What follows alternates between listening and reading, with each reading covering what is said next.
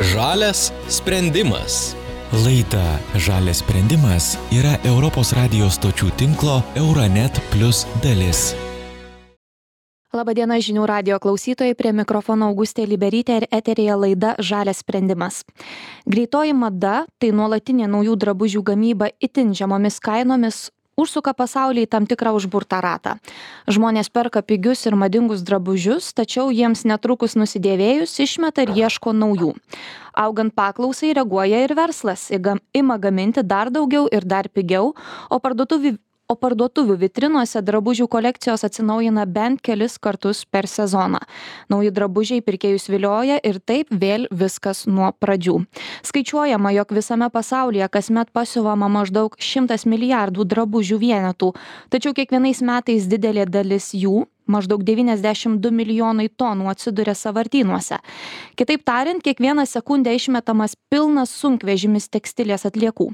Perdirbti perdirbti deja pavyksta mažiau nei vieną procentą tokių atliekų kol kas stokojama technologinių galimybių. Kokia yra tikroji greitosios mados drabužių kaina ir kaip ištrūkti iš šio užburto rato šiandieną ir pasikalbėsime. Nuotoliniu būdu su mumis yra žaliosios politikos instituto direktoriaus pavaduotoja ieva budraitė. Sveiki. Sveiki. Jeva, norėčiau pradėti nuo tokios akivaizdžiausios e, greitosios mados drabužių industrijos įdos, apie kurią užsiminiau jau. Tai yra na, dideli e, taršos, drabužių taršos kiekiai. E, na, prastos kokybės drabužiai na, tikrai neišlaiko ilgo laikotarpio, greitai susidėvi ir, ir lengva ranka išmetami. Ir, na, daugybė netgi ir žurnalistinių tyrimų yra parodę kad tuose sąvartynuose atsiduria ne tik sunešioti rūbai bet netgi ir nauji su su etiketėmis. Tad ir tie kiekiai tiesiog milžiniški jūsų akimis. Čia galima tuos kiekius išmetamos tekstilės perdir perdirbti kažkaip e, daugiau kaip ir minėjau kol kas tik vienas procentas kažkokios tos technologinės galimybės yra ribojamos tai kaip čia visa šita situacija jūsų akimis atrodo Na, šiuo metu, kaip jūs ir minėjote, labai trūksta techninių galimybių perdirbti tekstilę. Kodėl taip yra? Todėl, kad mūsų e, drabužiai yra audžiami iš skirtingo tipo audinių. E, net ir šimtaprocentiniai medvilnės marškinėliai, galim įsivaizduoti, ten yra ir etiketė, yra ir elastano, yra ir įvairių siūlų, kurie susiūtų tą audinį į tokią formą, kurią mes norime turėti.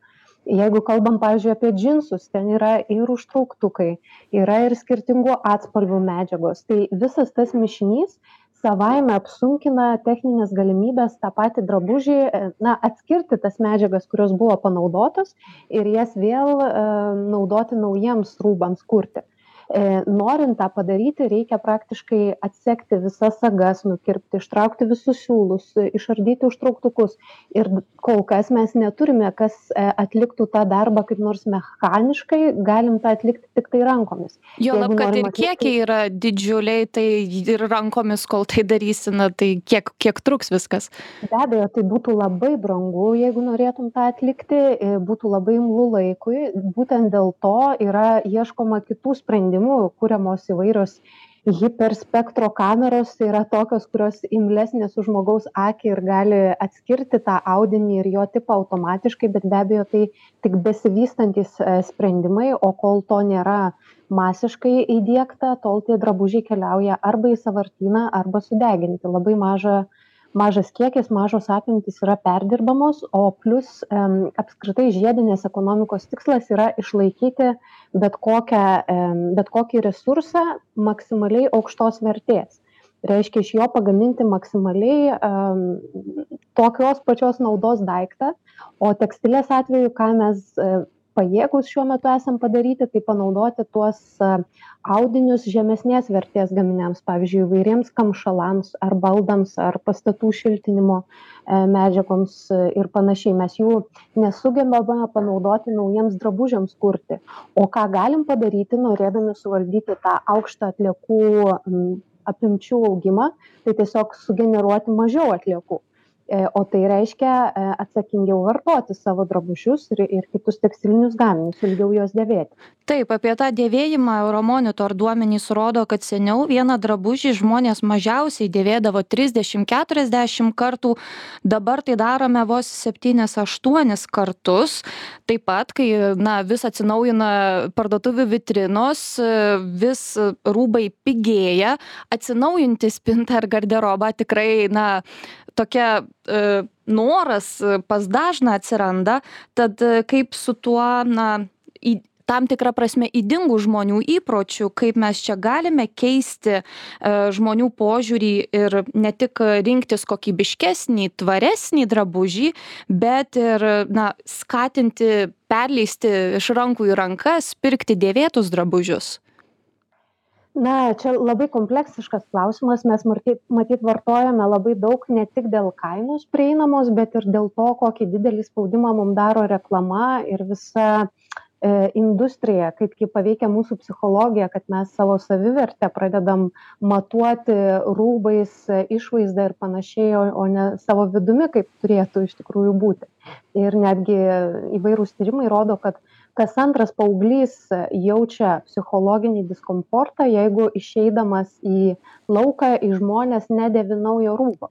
Tai yra iš tikrųjų sąmonę ir pasąmonę žalojantys e, veiksniai kuriuos kuria greitoji mada. Bet ką mes galim padaryti tai perlaužti pačios šitos greitosios mados e, logiką. Nes ji paremta pigiomis žaliavomis ir pigia darbo jėga tik dėl šitų dviejų aplinkybių ji geba pasiūlyti tuos madingus drabužius labai greitai labai didelėm apimtim ir labai prieinamom pigiom kainom. Kainom kurios e, savikainos to drabužio e, kūrimo jokiu būdu neatspindi nei jeigu mes vertinsim ekologiniu požiūriu nei socialiniu. Tai valstybių užduotis ir tas europoje pamažu vyksta turėtų būti neleisti pardavinėti rūbo pigiau negu kainavo jį pagaminti tai reiškia jeigu tu gamini taršiai nesilaikydamas aplinkosauginių reikalavimų nesilaikydamas am oraus darbo užmokesčio a garantijų tai tavo rūbas na negali išeiti į rinką. Arba jeigu tu gamini laikydamasis šitų reikalavimų jo kaina e turi būti pakankamai aukšta na ir tokiu būdu mes paklausą pareguliuosim ir žmonės tiesiog pirks pirks mažiau bet aišku yra ir kitas aspektas mes negalim vien tiktai laukti kol už mus sureguliuos sistemą turim siųsti rinkai signalą ir patys. Ir tokių iniciatyvų yra tikrai tikrai nemažai. Drabužių mainai drabužių nuomos ir prenumeratos paslaugos.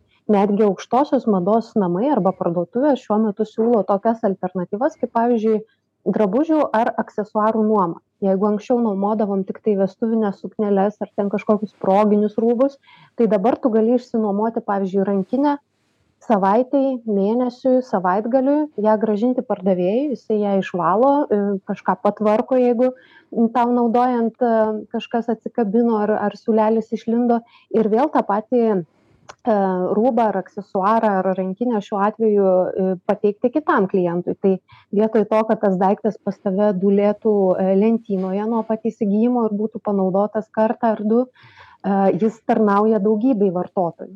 Tai tai mhm. yra mechanizmas kurį bandoma įdiegti daugybėje sričių ne tik kalbant apie tekstilę apie rūbus bet ir apie elektronikos gaminius ar ar ar kitus dalykus. Suteikti tam daiktui kuo ilgesnį gyvenimą ir tokiu būdu pasiųsti signalą jo gamintojui kad jeigu tu nori išlikti rinkoje tu turi gaminti kokybišką daiktą kitaip tu jo ilgai rinkoje neišlaikysi tą nuomos paslaugą ilgai negalėsi teikti jeigu tai nebus kokybiškas dalykas.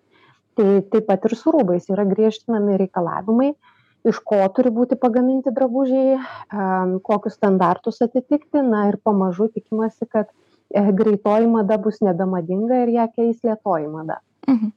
Užsiminėt apie tas pigias žaliavas, pigią darbo jėgą, mes dar apie tai šiek tiek pakalbėsime, bet dar grįžtant prie tos tokios tiesioginės taršos kampo yra na, ne tik e, savartynuose atsidurintys e, drabužiai, bet ir na, tarša nukreipta į aplinką per visą gamybos drabužių siuvimo procesą. Matyt čia turėtumėm kalbėti ir apie vandens naudojimą ir šiltnamio dujų emisijas. Čia pailiustruokite kokio masto tarša yra kuriama. Tai paradoksas slypi tame kad tą taršą kuria ir sintetinio pluošto gaminiai ir natūralaus pluošto gaminiai. Natūralaus pavyzdžiui medvilnė populiariausias ar ne atrodo sveikiausias natūraliausias dalykas bet e, norint užauginti medvilnę reikia daug e, ploto. Ploto kuriame galėtų augti pavyzdžiui maistinės kultūros. E, tai jau vienas minusas. Antras dalykas medvilnė yra labai imli vandeniui. Daug kas žino tą istoriją iš Sovietų sąjungos laikų, kada buvo Kazahstano teritorijoje auginama Uzbekistano medvilnė ir tiek daug reikėjo jai drekinimo, kad išseko net Aralo jūra. Tai tas medvilnės poreikis vandeniu iš tikrųjų yra didžiulis. Antras, trečias dalykas, medvilniai užauginti naudojama labai daug pesticidų pesticidai savo ruožtu kelia neigiamą įtaką biologinei įvairovei ypač apdulkintojams bitėms ir panašiai. Na tai gali atrodyti kad tada galbūt sintetiniai pluoštai yra alternatyva tačiau vėlgi ne visai nes poliesteris pati populiariausia sintetinė medžiaga yra naftos produktas. E, jinai jinai o nafta mes žinom kokią kokią įtaką daro klimatui tai čia pats tas žaliavų gamybos etapas jau savaime yra imlus ištekliams Toliau, kadangi visi greitosios mados gamintojai, na ne visi, bet didžioji dalis yra perkelę savo gamybą į trečiasią šalis, ten, kur aplinkosauginiai standartai yra žemesni ir ten, kur energetikos sektorius yra um, nedekarbonizuotas, tai reiškia, kad didžioji dalis elektros energijos yra gaminama deginant anglį arba naudojant dujas tai tai reiškia kad e, visos gamyklos kurios veikia turi didelį poreikį tai tekstilei apdoroti ir tam poreikiui tenkinti energiją e, gauna ne labai nešvariu būdu kuris kenkia klimatui. Tai čia tas apdirbimo etapas arba gamybos etapas. Kitas etapas yra e, audinių dažymas. Dažant audinius naudojami labai įvairūs chemikalai arba balinant audinius taip pat naudojama daug chemikalų ir jeigu tose šalyse nėra aukštų nuotekų valymo standartų tai reiškia kad visi tie procese panaudoti chemikalai patenka į nuotekas o nuotekos į paviršinius vandens telkinius išleidžiamos į upes upelius ir panašiai. Ir internete iš tikrųjų labai daug nuotraukų kaip kinijoje ūkininkai savo um, laukus laisto rožinės spalvos vandeniu ir taip yra todėl kad melioracijos grioviai iš kurių jie ima tą vandenį e, yra užteršti pramoninėm nuotekom. O tos nuotekos yra tos spalvos kuri madingiausia tą sezoną. Tai nu iš tikrųjų yra labai didžiuliai didžiulės apimtys e, e, žalos tiek kalbant apie vandens telkinių būklę tiek kalbant vėliau apie E, poveikį ekosistemoms, bioįvairoviai ir taip toliau. Na, o kai jau drabužis e, yra naudojamas, atsiranda kitos problemos. Pavyzdžiui, skalbiant sintetinį audinį, nuo jo vis dar atsiskiria tas vadinamasis mikroplastikas. Ir vėlgi, jeigu net ir Lietuvoje mes turim tą problemą, kad mūsų nuotekų valymo įrenginiai nėra pritaikyti sugaudyti išfiltruoti tas mikroplastiko daleles, e, nes kai buvo montuoti tie e, nuotekų valymo įrenginiai, niekas nežinojo, kad yra toks mikroplastikas ir dabar jisai pereina tos filtrus ir taip pat patenka į vandens telkinius. Dar tas paskutinis e, rūbų gyvavimo etapas, kai jau jie tampa atlieka, kai mes jų atsisakome ar ne, tai gerai jeigu tie drabužiai papuola ten kur turi papulti bet jeigu jie papuola į bendruosius konteinerius tai jie vienareikšmiškai keliauja arba į sąvartyną arba sudeginti. Ir mhm. tai yra ne kas kita kaip išteklių iššvaistymas. Taip. Užsiminėte apie tuos na fabrikus kad ir dėl aplinkosauginių tam tikrų žemų standartų ir dėl pigios darbo jėgos e, įmonės ir, ir, ir ženklai dažniausiai savo siuvyklas e, ir masinę veiklą kuria, na, galima taip sakyti, trečiojo pasaulio valstybėse. Ir ta pigi darbo jėga, na, toli gražu žmonės nedirba oriomis sąlygomis. E, daugelį straipsnių internete teko skaityti, kad, na, kaip Bangladešas yra pateikiamas kaip vienas iš tų tokių skaudžiausių viena iš skaudžiausių valstybių, kur praktiškai dirbantys ženklams ir, ir siuvantys tos greitosios mados drabužius žmonės, na, praktiškai neusidirba nie normaliams pragyvenimui, nie būti, būtiniesiems e, poreikiams. Užsiminėte kad sąjungoje tarsi tas reguliavimas kažkokie proveržiai vyksta bet kaip mes čia galime su tomis trečiosiomis pasaulio valstybėmis daryti jeigu ten ir aplinkosauginiai reikalavimai žemi ir pigi darbo jėga. Na tai verslui tai viliojantis dalykas gaminti geriau pigiau ir tai kaip čia galima kažkaip išspręsti aspektus Na, iš dalies ES mėgina spręsti, teikdama reikalavimus importuojamom į mūsų bendryje prekiam, kokius standartus jos turi atitikti. Tai tie standartai apima ir, pavyzdžiui, CO2 pėtsaką, kiek taršos e, sukėlė tas produktas ir jeigu tu nuo, na, dar neįdėktas šitas mechanizmas, bet po keleto metų planuojama, kad jis atsiras, tai jeigu tu sukėlė taršą už europos sąjungos sienų tu turi sumokėti atitinkamą muitą kuris atitiktų tos taršos įkainojimą. Ir tai reikš kad tavo prekė turės ne tik kainą bet ir tą muitą ant viršaus. Ir tai e, prekės e, vertę padidins ir padarys nekonkurencingą vidaus rinkoje. Tai tokiu vat rinkos mechanizmu ketinama išspręsti tų taršiai pagamintų prekių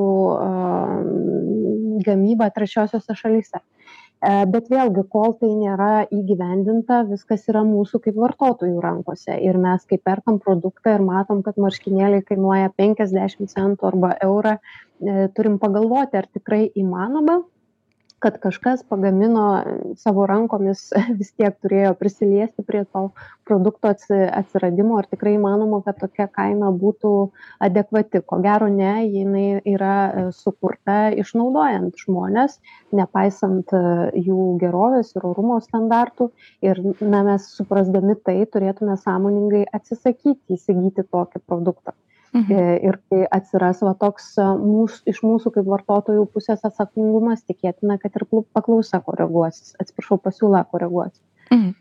E, dar jau taip einant į laidos pabaigą, na, ap, apkalbėjome tuos kelis aspektus ir, ir, ir tuos etapus, kaip ir kur per drabužių gamybą, nešiojimą ir, ir, ir išmetimą kuriasi tarša, bet, na, toksai dar socialinis, sakykime, fenomenas eina koja kojon, e, įvairūs ženklai užsiema žaliuoju smegenų plovimu, angliškai greenwashing.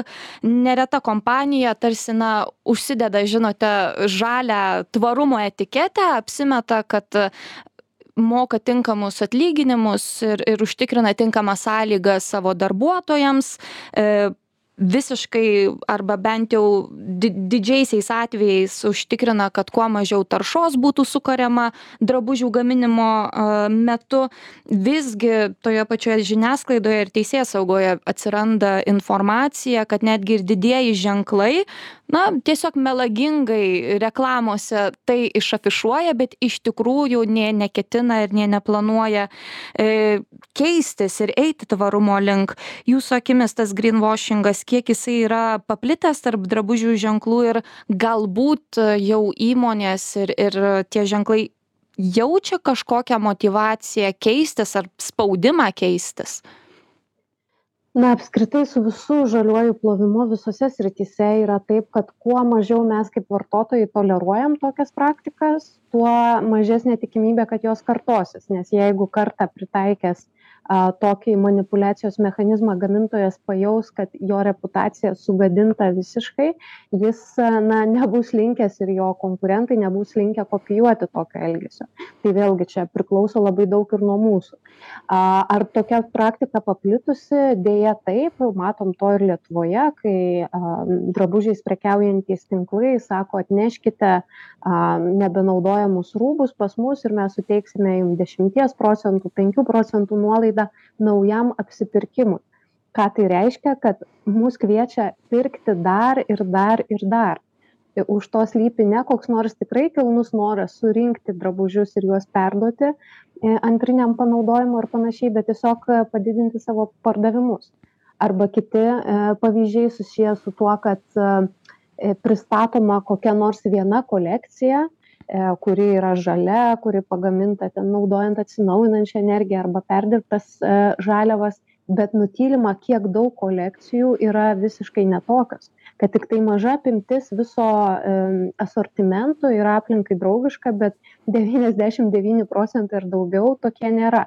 Tai mūsų atsakomybė kaip vartotojai vertinti kiekvieną tą iniciatyvą, koks yra iš tikrųjų jos mastelis ir koks yra jos poveikis.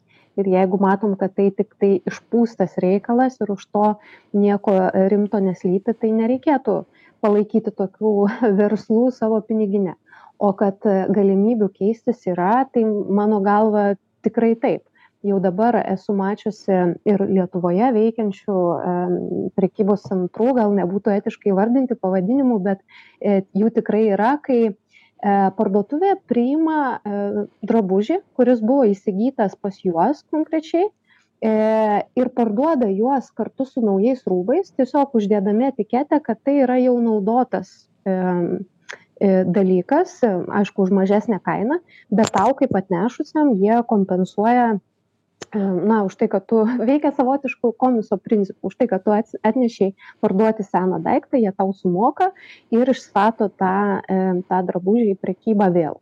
Ir naujam pirkėjui atsiranda alternatyva, jis gali pirkti nebūtinai naują rūbą, dėvėtą, bet iš to paties brendo, taip sakant, ar ne, ir už mažesnę kainą tai mhm. jau įgyvendina tą iš dalies e, atsakingo vartojimo e, viziją. E, aišku, ką jau kalbėti apie tuos geruosius pavyzdžius, kai kūriami, kūriamos galimybės apsimainyti drabužiais, apsikeisti, ateiti, kad ir nemokamai pasiimti tų žmonių rūbus, kurie paliko juos, na, neišmetimui, bet tolesniam naudojimui. Tai tokių praktikų tikrai yra, o ateityje, kad šitos problemos spręsis irgi tikėtina, nes jau vystomos technologijos, kaip būtų galima E, pritaikyti išmanesias e, priemonės, kad atėjęs į kabiną, tave, pavyzdžiui, nuskanuoja e, lazeris, tavo visus išmatavimus, tu pasirenki konkrečią spalvą, kokios nori rūbo, kokio audinio ir tau 3D printeriu tas rūbas yra atspausdinamas. Ateityje aš tikrai tikiu, kad pritaikydami visą savo išmanumą ir atsakingumą išbrisime iš šitos greitosios mados lygos. Taip, tokia pozityvia gaida ir baigiame mūsų pokalbį. Primenu mūsų klausytojams, kad kalbėjome su Žaliosios politikos instituto direktoriaus pavaduotoja Jeva Budraitė apie greitosios mados industriją, kaip ištrūkti iš šio užburto rato, kur ta tarša susikuria ir na pamatėme kad praktiškai kiekviename taip gamybos procese ir ir ir dėvėjimo kiekviename etape. Ir taip pat pašnekovė pateikė keletą patarimų ir ir kaip jau dabar galime kiekvienas dėvėdami drabužius prisidėti prie jų ilgaamžiškumo tvarumo ir pa padėvėjus vieną palaidinę ar kelnes septynis ar aštuonis kartus kaip sako euromonitor duomenys nemestume jų į šiukšlių dėžę dėkui klausytojams primenu kad laidos įrašą galite rasti žinių radijo svetainėje prie mikrofono dirbo augustė liberytė iki kitų kartų Žalias sprendimas. Laida Žalias sprendimas yra Europos radijos stočių tinklo Euronet Plus dalis.